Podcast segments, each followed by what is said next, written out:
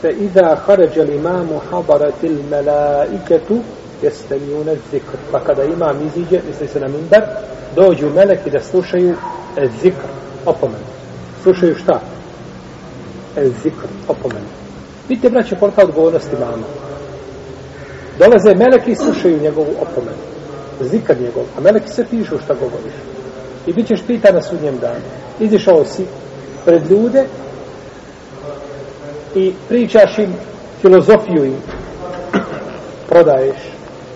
U zabludu ih pozivaš. Ja sam jednog imama čuo koji je šarijetski fakultet završio u Egiptu. Popio sam Limber kaže ljudi danas ništa nisam posebno pripremao za futbu zato da nas Allah uputi na pravi put. Dobro si rekao da te Allah uputi na pravi put. Ti trebaš ići prijatelju u goru čuvati ovoc a da ljudima dođe neko ko će im kazati njihovo šta vjeri. Kakav je to način da čovjek dođe i da se popne na mimber i da nije ništa pripremio da ljudi, ljudima da govore. A drugi kaže, ja dok se penjem na mimber, razmišljam šta ću im pričati, šta ću im izmiksati. To je manet, ti se popeo i ljudi su došli da čuju nešto što u svojoj vjeri. I dođe i nema od tebe šta čuti.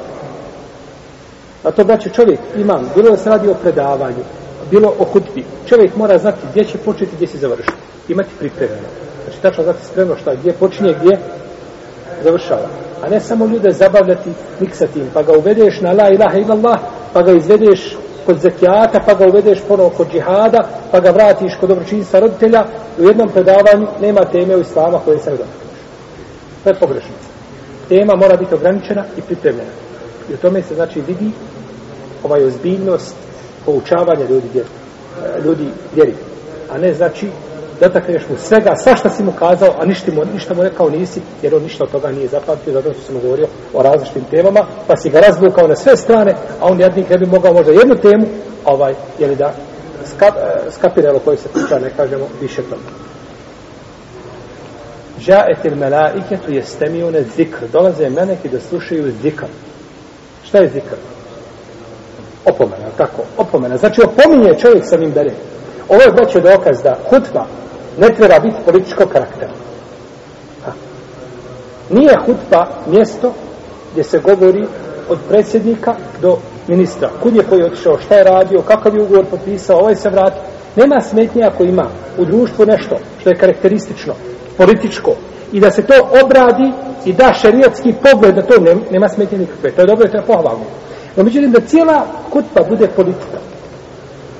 Ili problemi u džamiji kako nema grijanja. Ljudi će smrzuti. Ljudi će se smrzuti. Bolje da smrznu zime nego da se smrznu nevjerstvo. Tako. Pouči ljude vjeri ispravno vjerovanje. A probleme grijanja rješavaju nakon šta? Kutbe. Ili probleme vazita, ili probleme ovoga, ili probleme ovoga. Znači pa, hutba kaže se ovdje, jeste mi une zikr, slušaju opomenu. Pa znači hutba treba i poslanica, sa da, treba, da slušate njegove hutbe i da tražite šta je govorio, nikada nećete naći da je, nego ljude posticano dobro i popio bi se na mimber i vikao unziru kumunar, unziru kumu, i to bi poravio nekoliko puta, kako došlo kod imama Ahmeda u Musnedu, kaže da bi se čulo na pijacu. Podsjećam vas na vatru, bojite se vatre, petim vam vatrom. A kome je to govorio? Ashabima poslanika, su najbolje generacije koja je znala i bojala se vatre, ova jedan od njih više nego što svi danas na svijetu boji. Tako da je obaveza čovjeka, znači odnosno imama, da njegova hutba bude zikr, da bude posjećanje ljudi a da ne budu znači stvari koje su vezane ili za dunjalog ili za ono što neće ljudima direktno koristiti od njihove djece.